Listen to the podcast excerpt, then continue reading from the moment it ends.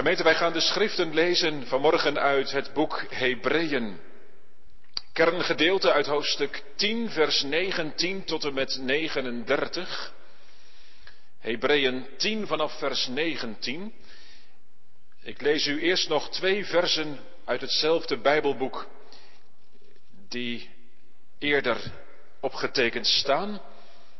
Namelijk in hoofdstuk 3, vers 6 en in hoofdstuk 4, vers 16. En dat doe ik omdat twee kernwoorden vanmorgen centraal staan vanuit de schrift. Het woord vrijmoedigheid en het woord volharding.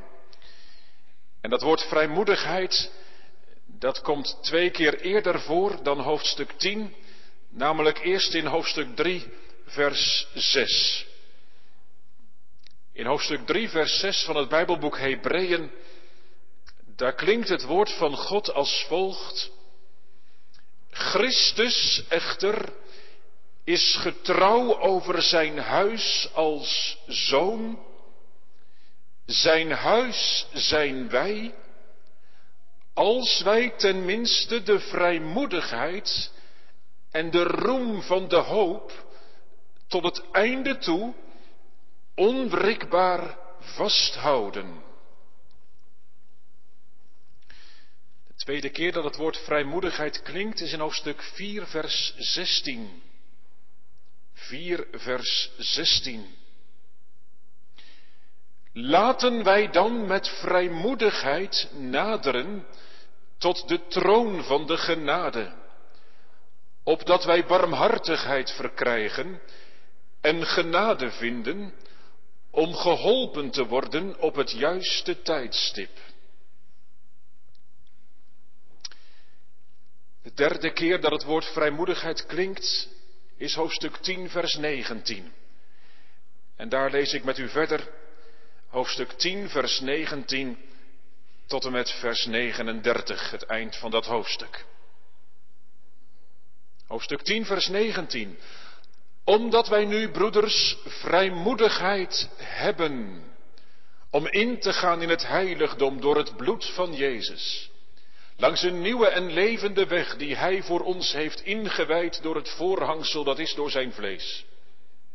En omdat wij een grote priester hebben over het huis van God, laten wij tot Hem naderen met een waarachtig hart, in volle zekerheid van het geloof, nu ons hart gereinigd is van een slecht geweten en ons lichaam gewassen is met rein water.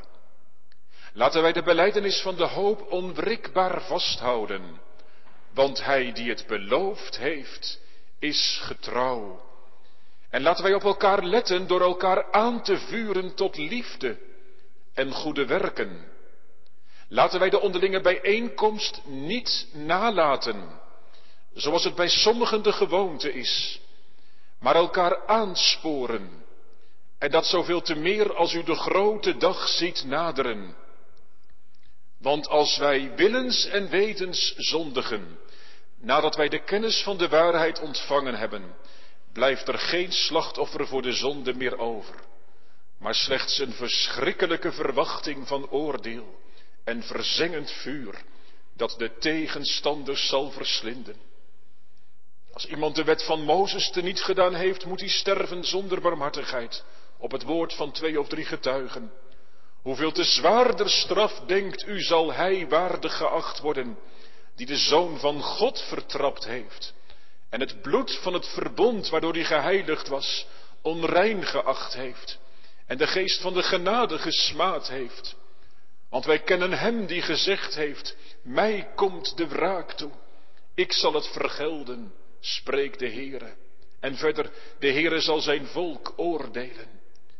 Vreselijk is het te vallen in de handen van de levende God.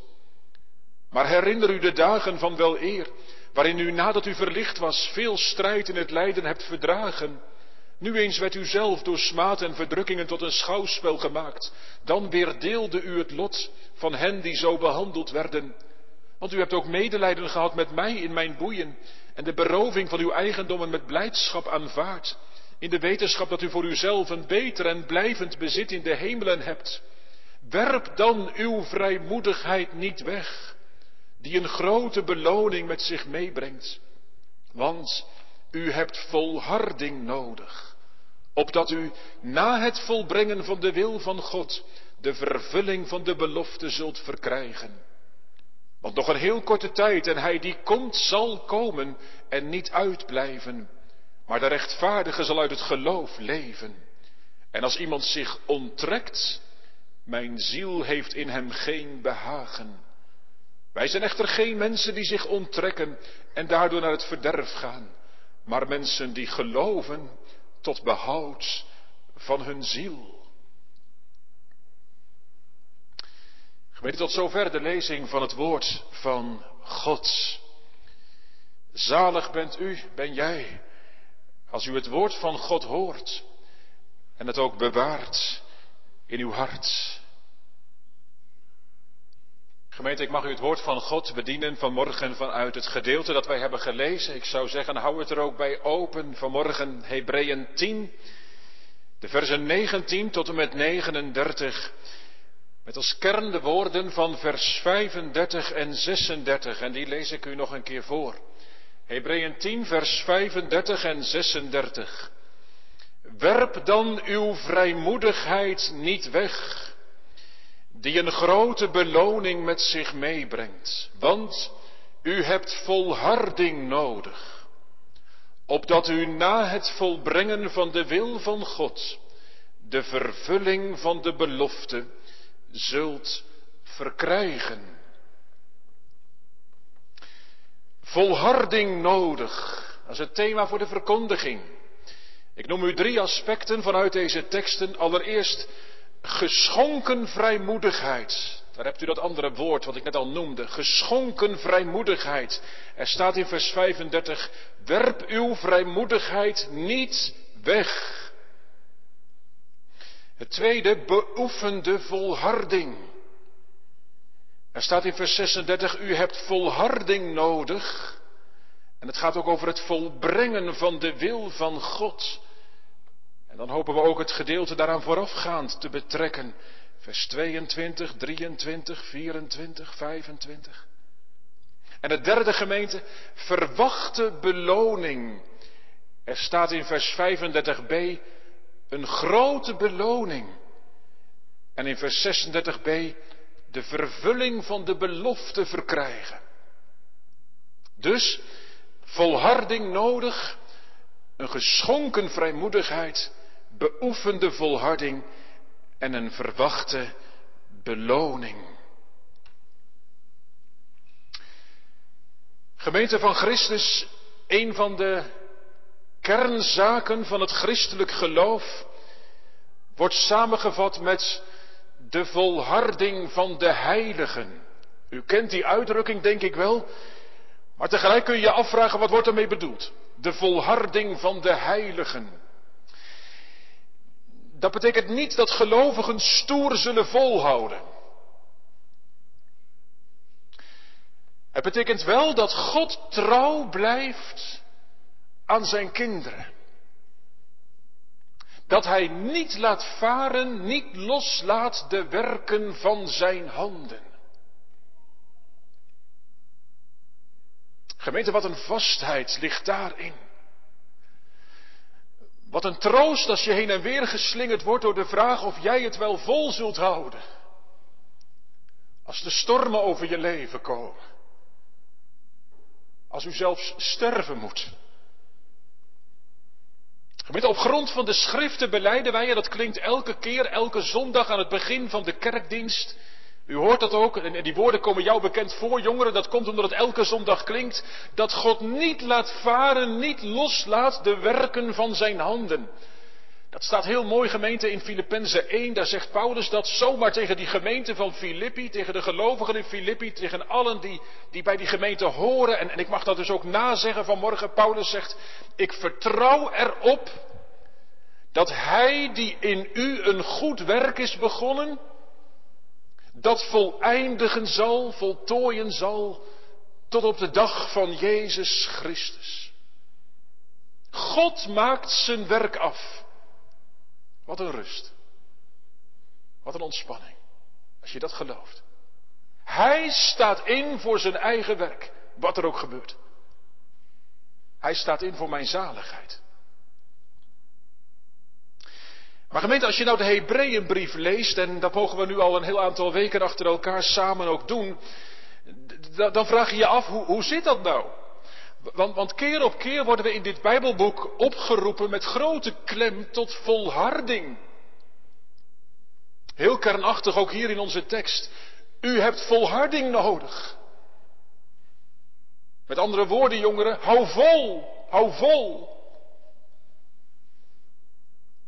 Dus die beleidenis dat God instaat voor zijn werk, dat God, dat God zijn werk afmaakt in je leven, dat, dat kan en mag ons niet brengen tot gemakzucht, tot onverschilligheid of zelfs tot, tot dodelijke gerustheid.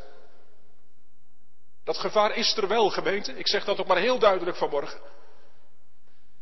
Dat je er in de praktijk van je leven maar een beetje op losleeft. Gewoon je eigen gang gaat in allerlei dingen van je leven. En, en dat je het evangelie misbruikt. Dat je zegt, nou ja, maar Jezus is toch voor ons gestorven. Of, uh, ah gelukkig hè, God die doet het toch allemaal in je leven. Dus, uh, en dat je er als het ware bovenop gaat zitten. Je denkt, nou dat heb ik tenminste. Zonder dat het je aan de levende Christus verbindt. Een dodelijke gerustheid, zo van hem, het zal wel loslopen. Het komt wel goed. Gemeente, het woord van God zegt vanmorgen tegen ons allemaal. U hebt volharding nodig. Volharding in het, in het gelovig verbonden zijn aan de Heer. En gemeente, dan zien we dus eerst dat het gaat om iets wat, wat geschonken wordt. Dus niet iets wat wij moeten doen, daar zou je weer heel erg moe van kunnen worden, maar, maar iets wat God geeft. In dat verband, gemeente, staan onze tekstwoorden. En dat zien we dan vooral in de aansporing die staat in vers 35. Daar staat, werp uw vrijmoedigheid niet weg. Vrijmoedigheid. Wat betekent dat woord? Gemeente, als wij dat woord gebruiken, en u herkent dat wel als ik dat een beetje probeer uit te leggen, dan, dan, dan gebruiken we dat op een manier van, nou ja, je, je bent, je voelt je vrijmoedig om iets wel of niet te doen. Zo gaat dat, hè? In de kerk komen we dat tegen, dan zegt iemand bijvoorbeeld, ehm, ik heb geen vrijmoedigheid om het ambt te aanvaarden. Iemand is gekozen tot ouderling of tot diaken of zo, of tot dominee, eh, beroepen. En die zegt, ik heb geen vrijmoedigheid om het aan te nemen. Kan. Of, uh, of het was avondmaal en, en vanuit de liefde vraagt de ouderling op huisbezoek naar de tijd van, u, u was er niet. En, en dan zegt u, ja, ik, ik, ik had geen vrijmoedigheid. Ik had geen vrijmoedigheid. Blijkbaar heb je dan wel vrijmoedigheid om niet aan te komen, maar, maar dat terzijde gemeente. In elk geval, je drukt daarmee iets uit van, ja, ik, ik voel geen vrijmoedigheid, ik voel geen ruimte, ik, nou ja, voelen. Maar dat is in de Bijbel heel anders bij dit woord. In de Bijbel heeft dat woord vrijmoedigheid niet te maken met ik voel me vrijmoedig of niet. Nee, dat vrijmoedigheid in de Bijbel, nou ja, laat ik het maar met de Bijbeltekst zeggen, hoofdstuk 4, vers 16, we lazen het, daar staat, laat ons met vrijmoedigheid toegaan. Met vrijmoedigheid naderen tot God. En dat betekent niet als je vrijmoedigheid voelt, nee, je hebt die vrijmoedigheid ontvangen. Het wordt aan je gegeven. Jonge mensen, misschien kan ik het het beste vergelijken met een toegangsbewijs. Vandaag de dag is dat een beetje lastig, want je moet nu ook een, positieve, een negatieve test, laat ik het goed zeggen, een negatieve test natuurlijk laten zien als je, als je ergens naartoe wil de afgelopen dagen en zo, en misschien in de toekomst ook wel. Maar, maar even los van corona, normaal gesproken heb je een toegangsbewijs, een toegangskaartje nodig en dan mag je naar binnen, toch? Als je ergens een toegangsbewijs hebt gekocht en, je hebt ervoor betaald, dan, dan heb je het recht om binnen te komen. Dan is de toegang vrij. Gemeente, dat is wat in de prediking van het evangelie tegen u, tegen jou, tegen mij wordt gezegd. op kosten van het bloed van Christus. Ja, dat is wel betaald hoor. Is er een geopende toegang tot de troon van Gods genade. In de verkondiging van het evangelie ontvangt u het toegangsbewijs om tot Christus te komen. En dan gaat het om een verleende vrijmoedigheid. Een verleende open toegang, een geschonken iets. Als de stem van Christus klinkt, kom tot mij. Kom, koop zonder geld, zonder prijs, wijn en melk. U zegt, hoe kan dat? Hoe kan het dat wij met vrijmoedigheid mogen naderen tot de troon van God? Nou gemeente, dat klinkt steeds in de Hebreeënbrief. Dat kan omdat er in de hemel een hoge priester is, die, die eerst door zijn eigen bloed, door zijn eigen sterven de weg heeft gebaand. Maar, die ook in de hemel is om voortdurend die toegang open te houden. De Heere Jezus. Over hem gaat het steeds in de Hebreeënbrief. Die leeft en bidt op dit moment in de hemel. En, en die voor allen die door hem tot God gaan de toegang openhoudt. Gemeente, wie door hem tot God gaat, die vindt gehoor. Weet je hoe Petrus dat schrijft in zijn eerste brief? Dat de Heere Jezus de zaligheid die hij verdiend heeft, heeft meegenomen naar de hemel. En dat hij die daar bewaart als een schat. En de Heere Jezus, toen hij aan het kruis gestorven was en toen hij opgestaan is uit de dood, toen heeft hij de redding, de zaligheid niet in onze handen gedrukt. Zo van, goed vasthouden jongens. Nee. Nee, Petrus schrijft dat hij dat meegenomen heeft in de hemel. Een erfenis wordt het dan genoemd. En dat hij het bewaart in de hemel. En dan staat er ook nog bij dat Petrus zegt, en weet je wat ook nog zo is? De Heere Jezus bewaart vanuit de hemel ook u. Ook u die gelooft op aarde. Dus, dus de zaligheid wat Christus verdiend heeft, dat bewaart hij in de hemel. Maar hij bewaart ook zijn gelovigen. Hij houdt ze vast. Allebei. Daar hebt u het dan ook meteen bij elkaar. Hè? God bewaart zijn gelovigen. Hij houdt hen vast. Maar hij houdt ook de zaligheid vast. Die heeft hij niet in onze handen gelegd. Dan zouden we het zomaar kunnen laten vallen als het misgaat in ons leven. Nee, hij houdt het vast tot op de dag van Jezus Christus. Dat is de dag van de uitkering. Van de volkomen verlossing. Daarom ligt het zo vast voor ieder die op Christus hoopt. Maar gemeente, de vraag is wel vanmorgen, hoe, hoe zijn wij daar dan in betrokken? Is het dan alleen iets van, nou ja, mooi, dan heeft de Heere God het voor ons gedaan, dan heeft de Heere Jezus het voor ons gedaan en, en dan zit het dus goed. Dan, dan weten we het. Gemeente, u voelt wel, als het dat alleen is, dan is de spanning eruit, dan, dan is het leven eruit. En, en tot geloof komen betekent nou juist dat er, dat er leven komt in je hart. Leven van God. Dan gebeurt er toch wat met je. Dan kom je tot leven. Dat is niet alleen maar een beetje weten, een soort kille constatering, zonder dat er leven in zit. Gemeente, als er geen leven zit in ons leven, ik bedoel geen uitgangen naar God in je hart, dan zit het niet goed. Dan is het de dood. En dat is echt dodelijk. En kijk, daarom de dringende roep in vers 35. Werp uw vrijmoedigheid niet weg. Wat betekent dat? Nou, die vrijmoedigheid die, die ons geschonken is, die, die nodiging, die roep om tot Christus te komen, om toe te gaan tot de troon van de genade. Daar onder het kruis van Golgotha, om daar met al je zonden te komen en, en tot rust te komen bij het hart van God. Die vrijmoedigheid om toe te gaan. Onze tekst zegt, werp die niet weg. Veracht dat niet. Gemeente, heel klemmend komt dat naar ons toe in vers 29. Misschien werd u ook wel even heel stil toen we dat lazen. Vers 29. Wij hebben het wel eens over grote en kleine zonden. Maar weet u wat een onvergeeflijke zonde is als het zo blijft? Dat is als je volhardt in het niet toegaan naar Christus. We lezen in vers 28 dat al in de tijd van Mozes er iets als een doodstraf bestond. Nou, dat is heel aangrijpend. En dan zegt vers 29, hoeveel te zwaarder straf denkt u, zal hij waard geacht worden die de zoon van God vertrapt.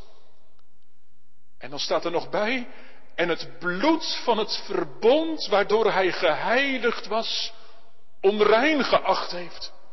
En de geest van de genade smaad heeft aangedaan. U zegt, wat staat daar? Gemeente, als je Christus voorbij loopt.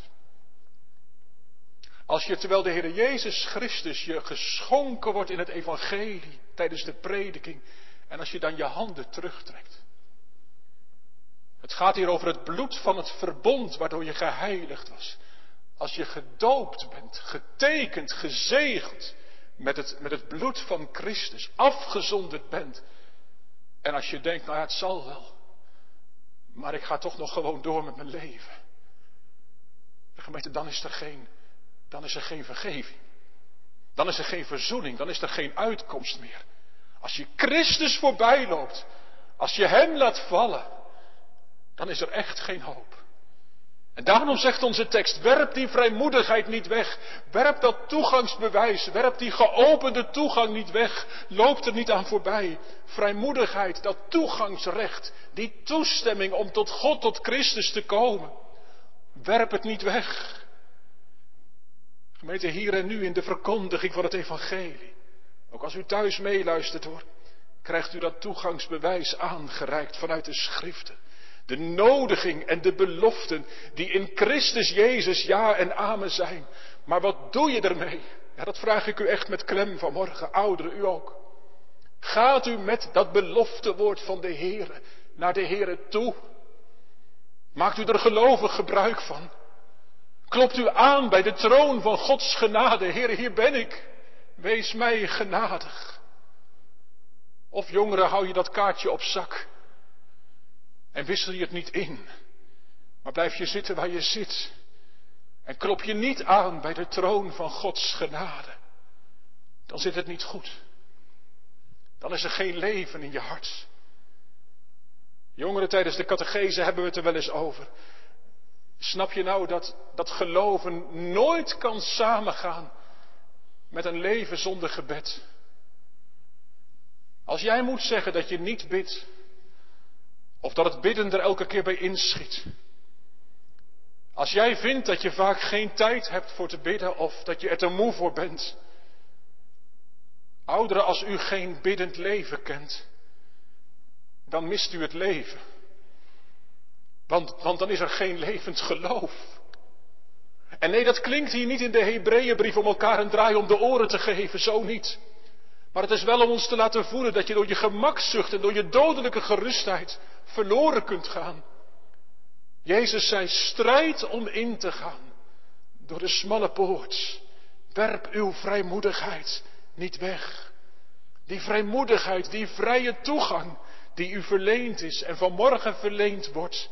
In die vrije toegang tot Gods troon door Jezus Christus. Hoofdstuk 4, vers 14. Laten wij met vrijmoedigheid toegaan, naderen tot de troon van Gods genade. Want u hebt de zaligheid niet in uw zak, ik ook niet. Het ligt alleen in Jezus Christus. Gemeente, wat een wonder. Vrijmoedigheid wordt verleend. Houdt u het vast. Dus dat is niet iets van, nou, ik voel me wel of niet vrijmoedig. Ik ervaar dat ik het wel of niet mag naar God toe gaan. Nee, het is iets wat u, wat, wat u geschonken wordt in, in de verkondiging van het evangelie. U mag uw handen ophouden. U mag uw handen vouwen op het woord van de Heer en zeggen, Heer, hier ben ik. Hier ben ik. Ik kom tot u. Klemmende roep, werp uw vrijmoedigheid niet weg. En dan staat er achteraan, u hebt volharding nodig. Het tweede, volharding. Gemeente, wat is dat volharden? Nou, dat is, dat is aanhoudend verbonden zijn aan Christus. Aanhoudend verbonden zijn, gaan naar die troon van de genade. U hebt volharding nodig, namelijk door die vrijmoedigheid te gebruiken. Gelovig gebruik maken van die geschonken vrijmoedigheid. Kijkt u met u mee in uw Bijbel, met mij mee, vanaf vers 19. Daar, staat het. Vers 19. Eerst weer een keer dat woord vrijmoedigheid. Omdat wij nu, broeders, zusters, vrijmoedigheid hebben. Kijk gemeente, daar staat het weer, hè? dat woordje vrijmoedigheid. En dan staat erbij, wij hebben die vrijmoedigheid. Het is ons geschonken. In Christus is ons de toegang geopend. Nog een keer vers 19. Omdat wij nu, broeders, zusters, vrijmoedigheid hebben om in te gaan in het heiligdom door het bloed van Jezus. En dan gaat het in vers 21 over die hoge priester, over de Heer Jezus Christus, die, die door zijn eigen bloed het offer bracht, maar ook nu in de hemel is als priester. En kijk eens, vers 22. Laten wij, een aansporing, tot hem naderen met een waarachtig hart, in volle zekerheid van het geloof. Laten wij tot hem naderen. Gemeente, voelt u die beweging? Dat is de volharding waar het over gaat in onze tekst hoor vanmorgen. Laten wij tot hem naderen. Jonge mensen, als je beleidenis mocht doen, korter of langer geleden. Ouderen, als u momenten in uw leven mocht kennen dat u, dat u de Heere met hart en ziel lief had. Iets van de liefde van Christus hebt geproefd. En als u misschien wel moet zeggen vanmorgen, eerlijk is eerlijk, het is zo koud geworden. Het is vaak zo lauw in mijn leven. Dan klinkt het, u hebt volharding nodig. Met andere woorden, vers 22. Laten wij tot hem naderen, terug naar de Here. Blijven naderen, dat staat er eigenlijk. In volle zekerheid van het geloof. Gemeente, die zekerheid van het geloof, vers 22. Een levend geloof, die zekerheid. Gemeente, die groeit. Die zekerheid die groeit. Als je voortdurend nadert tot God. In het voortdurend naderen tot God, tot de troon van Gods genade, groeit de zekerheid. De zekerheid van het geloof. U zegt misschien vanmorgen, ai, ai, ai, daar heb je het weer. Dominee, ik ben niet zo zeker van mijn geloof. Ja. Wilt u dan goed horen? Het gaat hier in vers 22 niet over de zekerheid van uw geloven. Dat u zegt, nou, ik geloof hoor. Dat staat hier niet. Juist als u vaak wankelt en twijfelt en worstelt met uw eigen geloven. Gemeente, het gaat hier over het geloof. Over het voorwerp van het geloof. Over de zekerheid van wie Jezus Christus is. Dus niet uw zekere geloven, dat is subjectief, dat kan wankelen, dat kan stormen. Maar de zekerheid van wie Christus voor u is. Hij zit daar in de hemel. Hij is door de dood heen gegaan. Hij is opgestaan. Hij is nu de hoge priester die leeft. En daarop te zien, daarop te hopen, tot Hem te komen, dat is waar het over gaat. Laten wij naderen met een waarachtig hart, in volle zekerheid van het geloof, kijkend naar Hem. Dus niet dubbelhartig, maar met een waarachtig hart. Niet door wel te bidden om Gods zegen en ondertussen de zonde aan je hand te houden. Gemeente, dat is vloeken. Dat is vloeken als je, als je bidt om Gods zegen en als je ondertussen gemakzuchtig bent en, en laks. Dat, dat, is, dat is spotten met God. Nee, een waarachtig hart staat hier. Oprecht, eerlijk voor God, zo naderen. Kom, kent u daar iets van? Dagelijks naderen tot Gods genadetroon. Daar komt een kind van God niet bovenuit. Hè? De Hebreeën schrijver legt dat met klem bij ons neergemeten. En dat is zo actueel vandaag, of heb ik het mis? Bij jongeren, maar vooral misschien wel bij mij en bij mijn leeftijdsgenoten. Veertigers in de kerk, thuis. Vijftigers misschien. Dat je in een soort gezapigheid terechtkomt. En je gaat wel naar de kerk, je meldt je aan of je zet elke zondag die livestream wel aan. En je bidt op je vaste tijden, maar, maar dat er geen leven in zit. Gemeente, dat merk je soms hoor, ook in de gemeente. Als het dan over Christus gaat, dan blijft het stil. Over dominees kun je wel praten. En over wat je van de kerkdiensten vindt kun je wel praten. En over wat je vindt van de maatregelen kunnen we wel discussiëren. Maar, als het over Christus gaat. Wordt uw hart wel eens geroerd als het gaat over de Heer Jezus. Daarmee staat of valt het, hè. U hebt volharding nodig. Die dagelijkse beoefening van die vrijmoedigheid, van het toegaan tot de troon van Gods genade. Een bedelaar die, die bedelaar blijft. Meisjes, jongens in de kerk. Fijn dat jullie er zijn. hey, weet je wat de Heer zo graag wil, meisjes, jongens? Weet je wat de Heer zo graag wil? Dat je elke morgen als je wakker wordt, eerst met de Heer praat. En dat mag heel eenvoudig als je nog bij je bed bent. Dat je eerst tot de Heer bidt. En s'avonds, hè, de laatste met wie je praat. Nou, dan mag je daarna papa of mama nog wel een kusje geven natuurlijk. Maar, maar, maar, maar de laatste met wie je praat, de Heer. Eerst op je knieën. En, overdag, als je soms op school bent en opeens iets moeilijks misschien is, of juist helemaal niet, je kijkt naar boven, je ziet de lucht en je denkt. En dat je eigenlijk in je gedachten zegt: Heer, u bent mijn God. U bent mijn redder.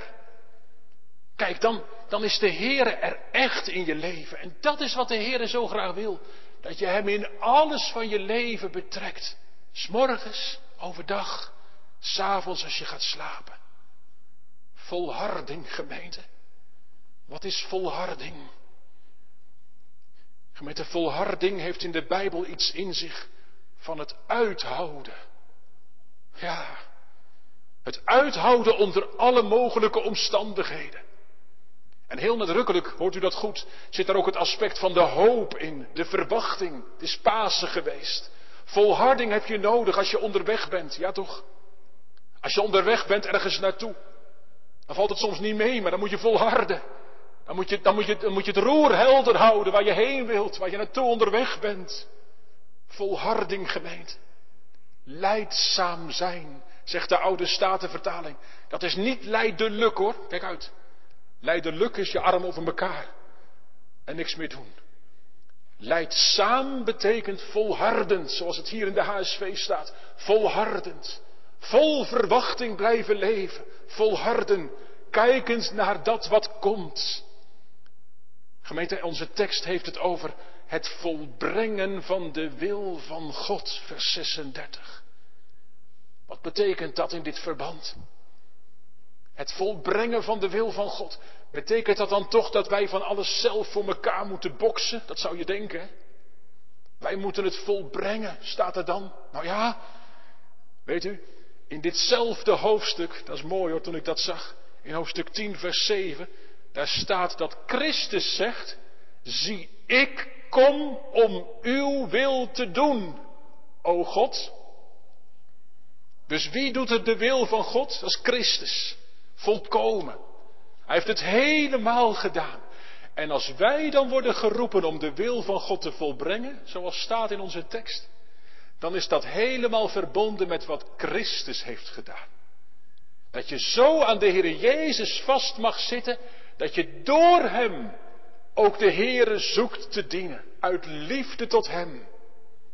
En als u dat concreet wilt hebben, gemeente, dat doen van de wil van God, wat wil de Heer dan van u? Hoe moet je dan volharden? Nou, kijkt u mee in het teksthoofdstuk. Vers 23 en verder. Vers 23. Laten wij de beleidenis van de hoop vasthouden. Dat allereerst. De wil van God doen, dat is de beleidenis van de hoop vasthouden. Dat is gelovig rusten op het woord van God. Op de belofte van God. Je daaraan vast blijven klampen. Hopen op God. Tegen alles in, toch hopen. Want hij die het beloofd heeft, is getrouw. En wat is het nog meer volharden? Nou, kijkt u maar verder, vers 24. Laten wij op elkaar letten, door elkaar aan te vuren tot liefde en goede werken. Hoort u dat? Dus binnen de gemeente, hè? Niet in je eentje, maar samen. Samen volharden. Elkaar aanvuren, vers 24, tot liefde en tot goede werken. Gemeente, ik vraag u, durven wij dat nog? Of zijn we zo individualistisch dat we eigenlijk niks meer tegen elkaar durven te zeggen? En als iemand anders ons al aanspoort, zeggen we dan, moet hij zich mee? Dat is toch niet bijbels gemeente? Kijk eens hoe het hier staat. Laten wij op elkaar letten. Door elkaar aan te vuren tot liefde en tot goede werken. En er staat nog meer, vers 25, kijk maar. Laten wij de onderlinge bijeenkomst niet nalaten, zoals het bij sommigen de gewoonte is, maar elkaar aansporen. En dat zoveel te meer als u de grote dag ziet naderen. De onderlinge bijeenkomsten. De zondagse samenkomsten. Niet mee sjoemelen. Het moeten vaste momenten zijn, gemeente, op de zondag. Om met degenen die bij je horen, de hoop op God te beoefenen. En als dat niet kan met z'n allen in de kerk in coronatijd, om dan toch alles te doen wat in je vermogen ligt, om trouw te zijn aan het beleven van de onderlinge samenkomsten. Het is geen goed teken, gemeente. Als er onder ons iets zou ontstaan van, nou, ik vind het eigenlijk toch wel makkelijk thuis kijken. En als we de onderlinge ontmoeting, de onderlinge gemeenschap in de erediensten niet meer zouden missen. Dat zegt iets over het geestelijk klimaat. U hebt volharding nodig. Het komt er juist vandaag in deze crisis op aan. Er staat iets op het spel, gemeente. Kies vandaag wie u dienen wilt. Als de Heere God is, kies dan voor Hem en voor zijn dienst. En dat is dus niet vaag, hè? Drie dingen noemde ik u, vers 23 tot 25. Hoopvol beleiden. Elkaar in liefde aanvuren. En trouw zijn in de onderlinge samenkomsten. U hebt volharding nodig. En dat zoveel te meer als de grote dag nabij komt. Alles stuwt heen naar die grote dag. En gemeente, dat brengt mij bij het laatste. De gerichtheid op de toekomst. Want wat staat er in vers 35b? Het gaat over een grote beloning. En in vers 36b over het verkrijgen van de vervulling van de belofte. Een beloning. Nou ja, voor dat woord zijn we misschien een beetje huiverig, maar het staat er toch echt. En nee, deze beloning is er niet omdat wij beloond moeten worden, dat niet. Maar wel omdat het werk van Christus vrucht draagt in ons leven. Niet omdat een mens iets verdient, maar omdat God ons genadig bedient. Die beloning is het gevolg van Gods werk in ons. En wat is die beloning dan?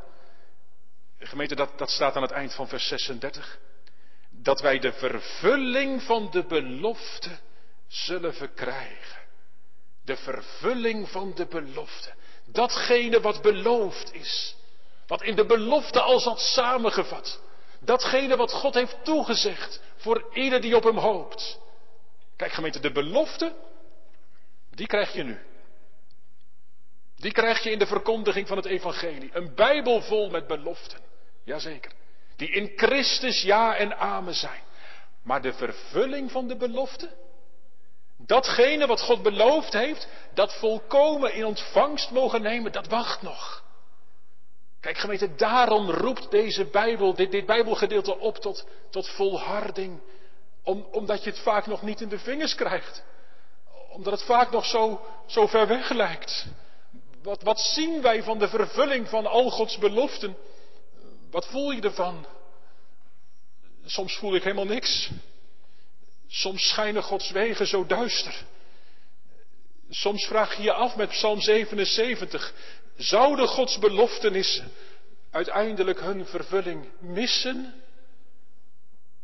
Maar hoor, u hebt volharding nodig, opdat u de vervulling van de belofte zult kunnen verkrijgen. Volharding in geloof. Zo staat het gemeente in vers 38. De rechtvaardige zal door het geloof leven. Door het geloof leven. En gemeente, dat is een citaat uit Habakkuk. En als u Habakkuk een beetje kent, als er één geworsteld heeft met het leven, met dingen die gebeurden, dan was het Habakkuk wel. Habakkuk die schreeuwt het uit in het Oude Testament, in dat boekje. Hij zegt, Heer, ik roep tot u en u zegt niks. Hij kan er niet mee overweg. En op een zeker moment is het zelfs zo bij Habakkuk dat, dat, dat hij te horen krijgt dat de Heere God vijanden stuurt om zijn eigen volk te gaan straffen. Nou, dan snapt Habakkuk het helemaal niet meer. Kan het zo zijn dat God dingen stuurt waardoor zijn eigen volk gestraft wordt? Vijanden van God zelfs? Misschien wel uw worsteling, jouw worsteling, dat je zegt die ziekte, die tegenslagen, alles wat er gebeurt, komt zelfs dat uit Gods hand? Ik snap er niks van. En Habakkuk krijgt dan geen antwoord, gemeente.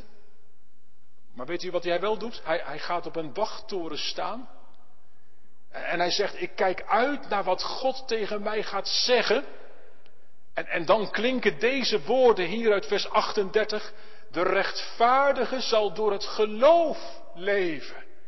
Al zie je het niet, leven door het geloof. Leven uit de belofte. Leven vanuit die geschonken vrijmoedigheid, weet u nog? Om steeds opnieuw toe te gaan tot de troon van de genade. Om te, midden van alles wat er gebeurt toch, toch vast te houden aan die beleidenis van de hoop. En, in de gemeente elkaar aan te vuren tot liefde. En, en die onderlinge samenkomsten daarin trouw te zijn. Want, want hij die het belooft is getrouw. We zijn onderweg. We zijn onderweg. Gemeente, ziet u dan, dan gaat het heen naar de toekomst. Naar Gods toekomst. Nee, niet om, om de dingen hier en nu te omzeilen, dat niet. Maar, maar wel om terwijl je soms met je benen in de modder staat, met hoofd omhoog gericht te houden. En te zeggen, Jezus leeft. En, en ik met Hem. En, en als schijnen mij dan uw wegen duister, zie ik, vraag u niet waarom. Eenmaal zie ik al uw luister, als ik in uw hemel kom. Gemeente, kom. Ik sluit af. Werp uw vrijmoedigheid niet weg. U hebt volharding nodig, want, want Jezus komt. Uw Heere komt. Wat staat er in vers 37? Nog een heel korte tijd. En hij die komt zal komen en niet uitblijven. En als hij dan komt, gemeente, waar staat u dan? Jongeren, waar sta jij nu?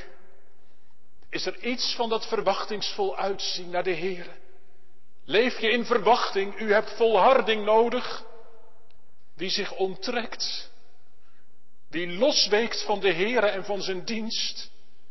Vers 38b, als iemand zich onttrekt, de Heere zegt, mijn ziel heeft in hem geen behagen. Maar vers 39, wij zijn niet van mensen die zich onttrekken en, en daardoor naar het verderf gaan, maar mensen die dwars tegen de stormen in geloven en, en hopen op Gods heil tot behoud van hun ziel. Gemeente, u ziet het toch. Een derde groep is er niet. Echt niet hoor. Er zijn twee groepen mensen. Er zijn twee eindbestemmingen. Waar gaat uw reis naartoe? Kom, laat u meenemen. Jong of oud. Christus schenkt u vrijmoedigheid. Een geopende toegang naar de troon van Gods genade. Opdat u de beleidenis van de hoop vasthoudt. Opdat u elkaar aanvuurt en laat aanvuren tot liefde. Opdat u de onderlinge samenkomsten hoog houdt. Wie heimwee heeft naar Christus, die komt thuis. Want God, gemeente, hij laat de werken van zijn handen niet los. Hij laat het niet los. Het goede werk dat hij in u begonnen is, dat voleindigt hij. Tot op de dag van Jezus Christus. Amen.